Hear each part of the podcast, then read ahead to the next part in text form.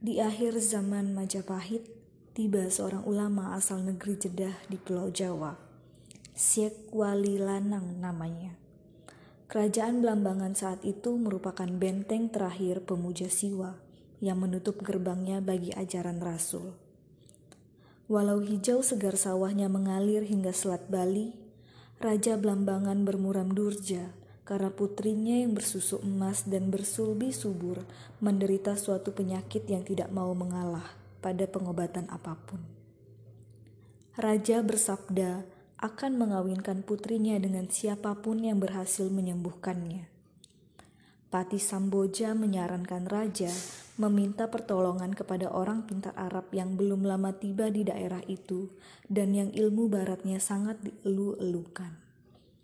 Raja pun mendatangkan Syekh Wali Lanang yang memintanya bersumpah akan memeluk Islam apabila upayanya berhasil. Syekh Wali Lanang mendekati sang putri seraya berkata, Penyakit merupakan salah satu jalan manusia untuk mengenal Allah, sebab telah difirmankan, Sakit adalah hambaku yang kusertakan pada para kekasihku. Kemudian orang pintar itu menentukan makam jiwa sang perawan. Ia memeriksa keempat unsur di hatinya. Ia berbicara kepada sang putri mengenai mawar, ibu keharuman, ratu taman, yang zatnya berdiam di bunga, seperti watak sempurna manusia berdiam di tubuh. Ia menyiapkan jamu dari lembayung liar, kemangi muda, dan getah Arab yang digoreng dengan minyak zaitun dan kemudian direndam air mawar serta harus diminum sang putri lima hari berturut-turut.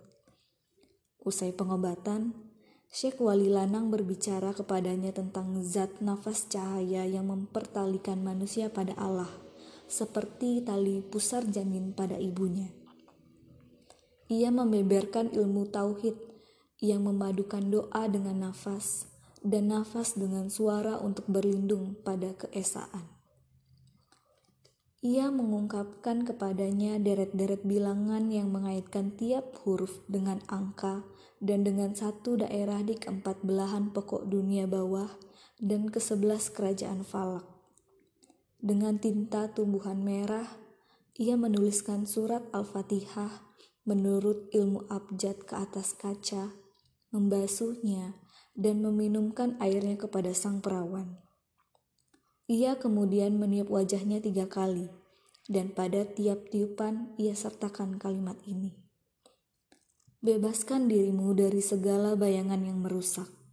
Kekuatan ada pada Allah yang Maha Kuasa. Tidak ada obat lain bagimu selain kamu.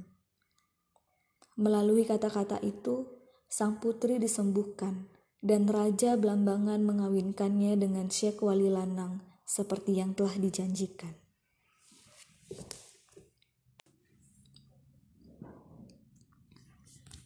Untuk menggambarkan cara-cara yang dipakai Syekh Wali Lanang saat menggobati putri Raja Blambangan, saya mendapat ilham dari buku The Book of Sufi Healing, buku kesembuhan Sufi, tulisan Syak Hakim Abu Abdullah Dulam Moinuddin, Inner Traditions International 1985 New York.